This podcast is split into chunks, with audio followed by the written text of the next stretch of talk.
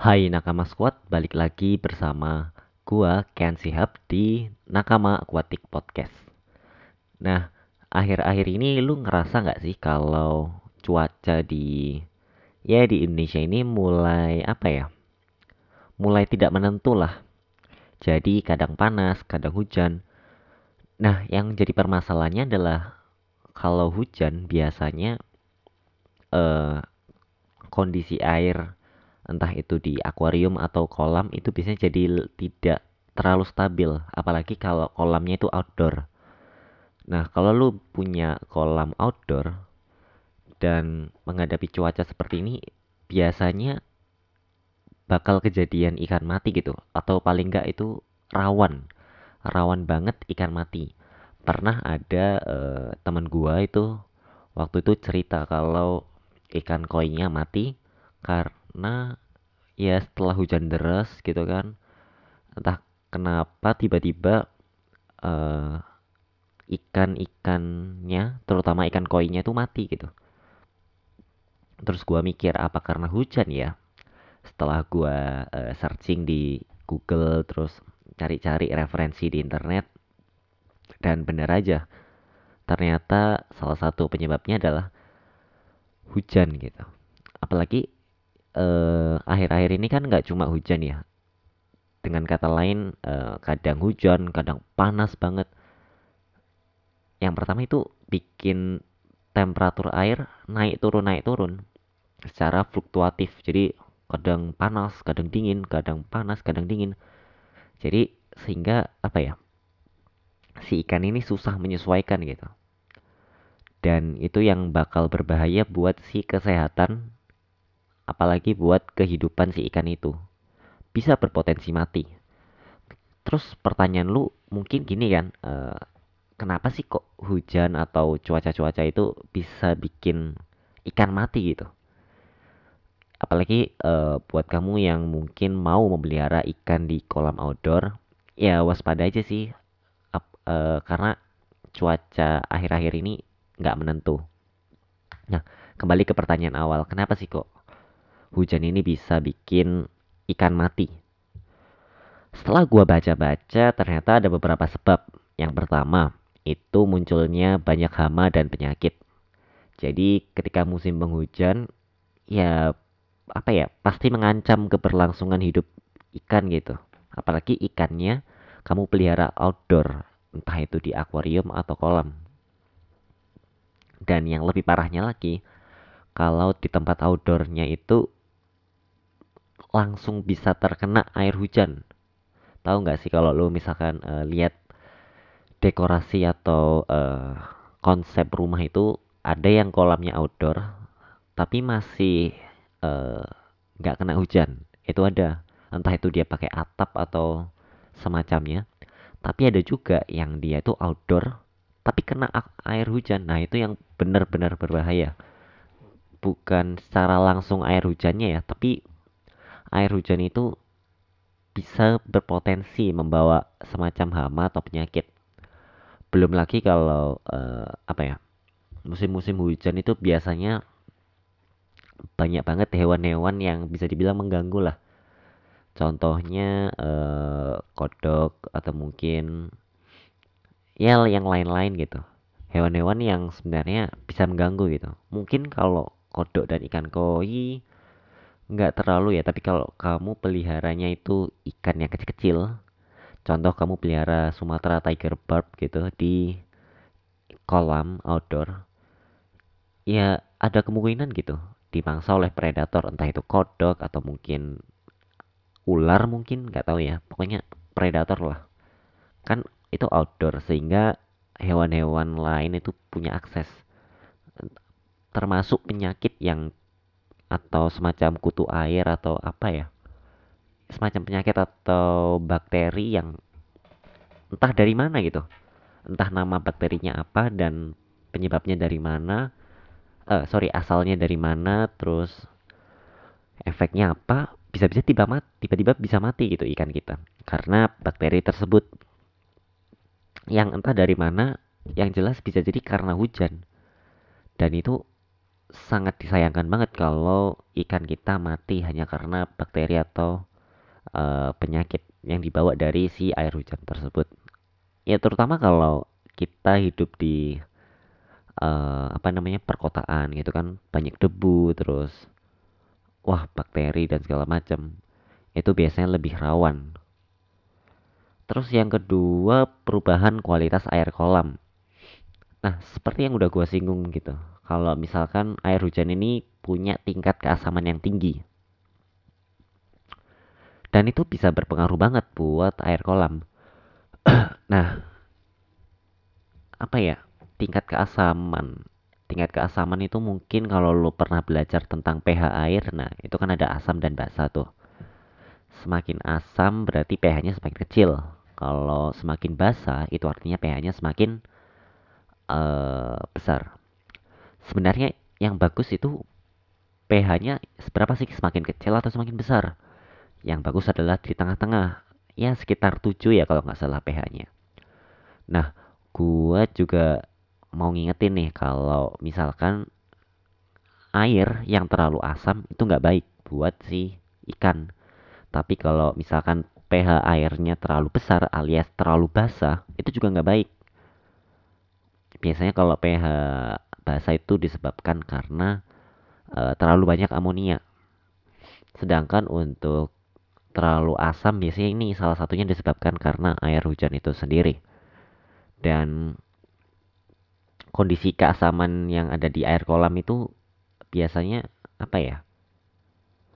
Uh, akibat air hujan yang terlalu apa air hujan yang masuk terlalu banyak sehingga uh, kualitas air menjadi lebih apa ya jadi nggak stabil sehingga ikannya bisa aja mati gitu dan tidak menutup tidak menutup kemungkinan ikan-ikannya bisa langsung mati secara serentak. Langsung satu kolam, itu bisa aja terjadi. Nah, makanya itu uh, kita harus juga menaruh perhatian pada uh, tentang kualitas air ini. Terus poin ketiga adalah biasanya kalau hujan itu kurangnya sinar matahari. Nah, sebenarnya kenapa sih kok uh, apa namanya? sinar matahari ini bisa berpengaruh gitu. Uh, kalau gua baca-baca nih sebentar ya di dalam kolam ini berkurang. Uh, gini, kalau misalkan apa ya kita lihat di alam deh di alam itu biasanya kondisi apa ya sinar matahari itu diseimbangi dengan uh, ya alam-alam lain gitu maksudnya efek alam lain seperti alga terus air yang terus mengalir. Nah, sedangkan kolam itu kan airnya ya itu-itu aja. Terus nggak ada sinar matahari. Terus kena air hujan.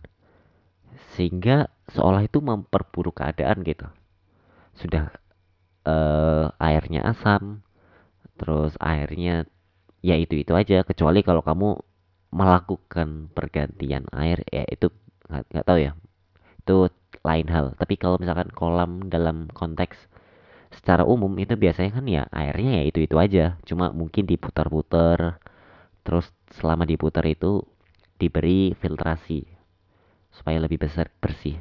Tapi tetap aja ketika udah kena air hujan ditambah tidak ada uh, sinar matahari yang memberikan apa sinar ultraviolet ya itu apa ya? Gua rasa sih bakal memperburuk keadaan gitu. Dan apa ya? Mungkin ikan kita ya udahlah gitu udah auto lah gitu. Ya nggak otomatis juga sih tapi kemungkinan besar bakal mati. Karena lingkungannya sangat-sangat e, bisa dibilang menyiksa bagi si ikan nah kalau lu tanya gitu eh, kira-kira apa sih yang bisa kita lakukan gitu? Kalau misalkan bukan misalkan ya kalau untuk saat ini ya dengan cuaca yang ekstrim terus kadang hujan kadang panas berganti-ganti terus seperti apa sih treatment yang kita lakukan gitu?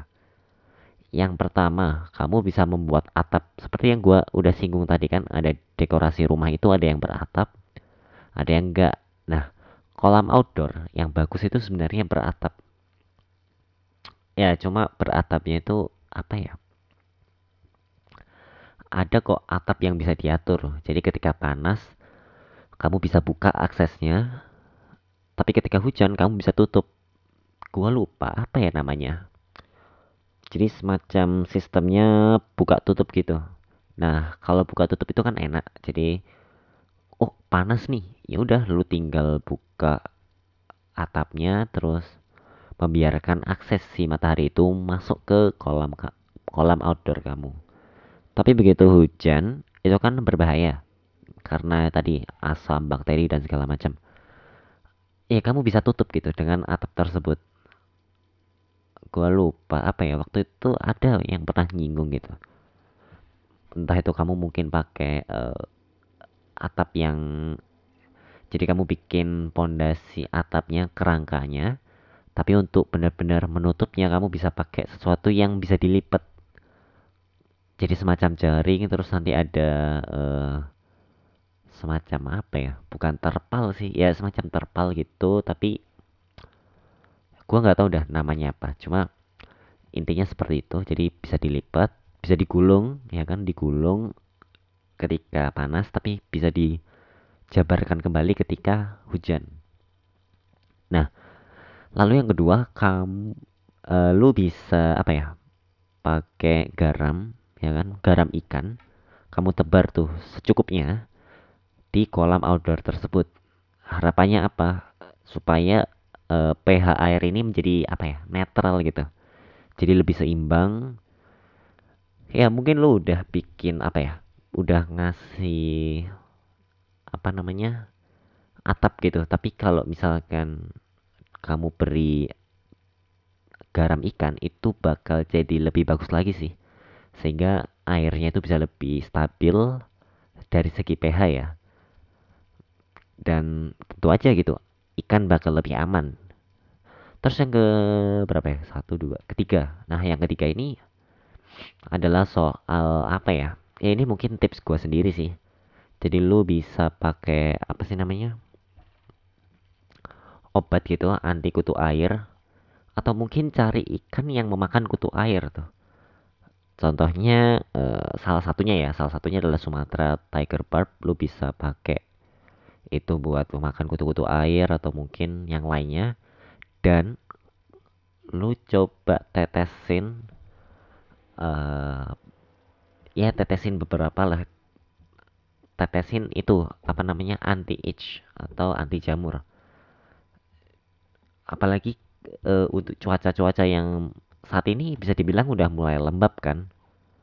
Nah lu bisa tuh tetes anti itch biasanya tuh warnanya biru ya. Gak usah banyak-banyak ya. Jadi cukup secukupnya aja lah. Dua tiga tetes untuk setiap sudutnya misalkan uh, misalkan kolam lu ukuran 3 kali dua. Ya udah setiap pojoknya lu tetesin dua gitu. Lalu di tengahnya mungkin satu atau dua lah. Sehingga anti itchnya itu bisa bekerja. Dan kita bisa mencegah adanya uh, penyakit atau uh, itch itu tadi jamur.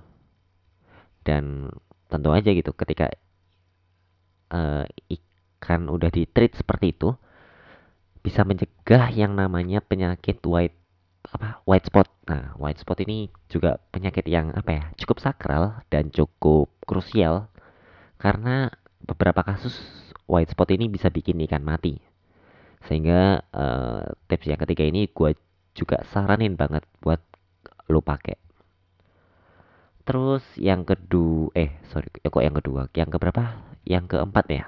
Nah, yang keempat lu bisa pakai apa namanya uh, lu tahu itu nggak sih uh, pembuat gelembung udara buat air atau namanya aerator. Nah orang-orang sebutnya aerator nih. Jadi aerator itu alat buat uh, membuat gelembung udara. Kalau kolam kolam lu outdoor lu bisa pakai yang versi lebih besar tapi kalau kamu akuarium yang outdoor ya lu bisa pakai aerator yang versi lebih kecil nah untuk kolam tersebut sebenarnya nggak harus pakai aerator sih kalau lu punya uh, semacam air terjun. Jadi kan kalau kolam biasanya kan desainnya ada yang konsepnya itu pakai air terjun tuh. Entah itu di sudut tengahnya atau sudut pojoknya atau seperti apa. Itu bisa banget lu pakai bikin apa semacam air terjun sehingga airnya itu kan gejrus-gejrus, gejrus-gejrus itu kayak apa sih? Ya air terjun gitu. Biur, biur, biur. Serus, serus, serus, serus. Nah, suaranya kayak gitu tuh. Serus, serus. Nah, itu kan oksigennya itu dapat banget gitu. Wah, biasanya ikan-ikan itu kalau eh, apa ya kehabisan udara itu biasanya deket-deket situ tuh soalnya itu sarana apa ya oksigen yang dengan supply yang cukup banyak gitu atau kalau lu punya budget lebih lu bisa bikin apa aerator yang cukup gede terus lu pasang di beberapa sudut kolam sehingga apa ya amonia amoniaknya itu keangkat semua dan air yang basah menjadi lebih stabil dan juga nggak terlalu asam gitu dengan cara tadi udah dikasih garam udah dikasih edge udah dilindungi dengan atap sehingga tidak ada kontak langsung dengan air hujan. Ditambah tadi ini uh, gelembung udara. Belukutuk belukutuk belukutuk itu. Cuma kalau kolam biasanya uh, skalanya harus lebih masif ya. Lebih besar aeratornya sehingga efeknya itu kerasa gitu. Amoniaknya keangkat dalam bentuk apa ya? Nitrogen kalau nggak salah. Gue juga nggak terlalu tahu sih tapi ya sotoy-sotoy dikit lah gitu. Kalau gue baca itu uh, amoniaknya keangkat oleh aerator uh, oleh gelembung udara tersebut keangkat dari air sehingga jadi nitrogen udah di udara. Dan apa ya tips yang terakhir yang kelima ya.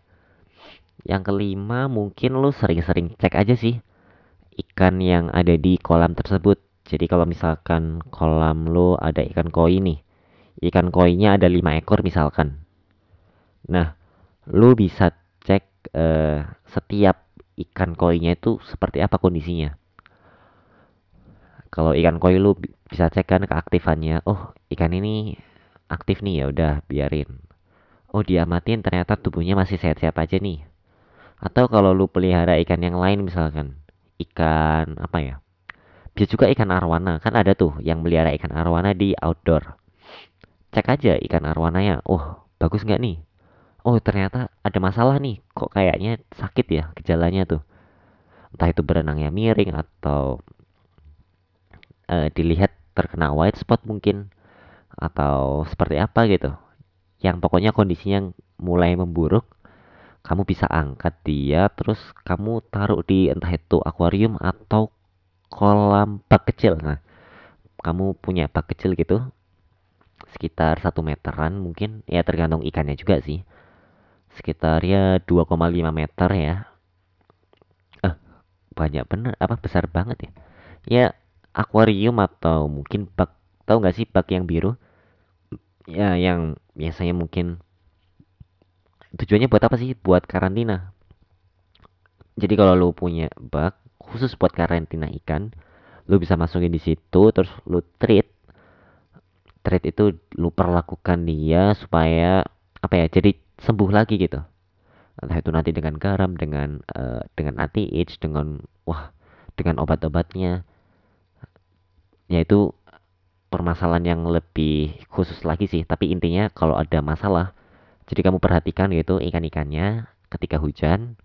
Ya maksudnya musim-musim hujan seperti ini kamu harus sering-sering cek sehingga apa ya lu bisa ngerti gitu oh ikan yang ini sakit nih ya udah segera diangkut sebelum dia mati. Jadi uh, tips-tips sebelumnya itu semacam meminimalisir aja gitu. Tapi tetap aja ada kemungkinan ikan-ikan lu tetap bakal kena. Entah ya namanya bakteri atau penyakit ya kita kan nggak tahu itu datang dari mana. Kalaupun kena kita harus bisa uh, memberikan pertolongan pertama dengan cara tadi diangkat terus uh, masukin di bak bak apa namanya bak karantina mungkin yang jadi tantangan itu bukan ngelihatnya sih tapi nangkepnya ya. Kadang kalau kolamnya dalam gitu wah itu susah banget sih untuk uh, nangkep ikannya. Jadi lu mungkin harus sediain aja jaring, jaring yang apa ya, cakupannya luas tapi pegangannya itu bisa panjang gitu, bisa sampai dalam-dalam. Nah sehingga kamu cukup uh, nangkep dari pinggir-pinggir, tapi dari dari segi jaringnya itu udah cukup apa ya, cukup panjang, cukup dalam untuk menjangkau sampai ke dasar kolam sehingga kamu mudah mengangkat terus uh, lu tinggal masukin ke bak kolam ya udah lu perlakukan lu sembuhin dengan pertolongan pertama jadi ya itu kesimpulannya jadi yang pertama tadi ada membuat atap terus yang kedua adalah memberikan garam terus yang ketiga e, memberikan apa obat anti age terus yang keempat e, memberikan aerator terus yang kelima segera membeli, memberikan pertolongan pertama ketika ikannya terlihat uh, ikannya terlihat sakit. Oke. Okay? Dan ikan ikan yang dipelihara di kolam atau maupun akuarium yang di outdoor itu memang punya tantangan tersendiri. Ya apalagi suhu tuh, masalah suhu. Suhu air juga jadi masalah karena uh, kadang panas, kadang kadang hujan yang menyebabkan dingin gitu kan sehingga suhunya bakal naik turun naik turun naik turun ya itu tentu nggak bagus buat kesehatan si ikan ya eh, semoga dengan 5 tips yang gua bagikan tadi bisa berguna lah buat eh, kalau lu misalkan punya apa namanya ikan yang dipelihara di akuarium ataupun kolam yang tentu saja dipelihara di outdoor alias di bagian-bagian luar rumah ya intinya uh, lo harus selalu berhati-hati, selalu waspada karena cuaca cukup ekstrim sih air-air ini. Kadang siang itu panas, terus tiba-tiba malam hujan, atau sebaliknya malam hujan, eh sorry, siang tiba-tiba mendung gitu kan? Kok mendung sih tiba-tiba hujan, terus sorenya panas, terus malamnya dingin lagi. Jadi seolah-olah itu fluktuatif banget lah, berbeda jauh banget ya gue sebagai orang yang di balik Nakama Aquatics sangat berharap lu bisa uh, menjaga ikan lu layaknya temannya sendiri sesuai apa ya tagline Nakama Aquatics yaitu hashtag kenali teman lu lebih dekat ya uh, dengan lu merawat dengan baik seperti teman lu sendiri ya ikan bakal apa ya hidup ya kemungkinan ya kemungkinan besar bakal hidup lebih lama karena lu uh, rawat dia dengan penuh kasih sayang, dengan penuh perhatian, dan sebagainya. Kalau lu nggak tahu caranya, ya lu bisa tanya aja di uh, eh, DM Nakama Aquatics atau mungkin komen di video YouTube-nya. Siapa tahu di ketika lu komen di video YouTube Nakama Aquatics, lu bisa dibalas. Tapi kalau lu pingin private, lu bisa DM aja di @nakamaquatics.id. Oke. Sekian dari gua, sampai jumpa di podcast selanjutnya ya. Dah.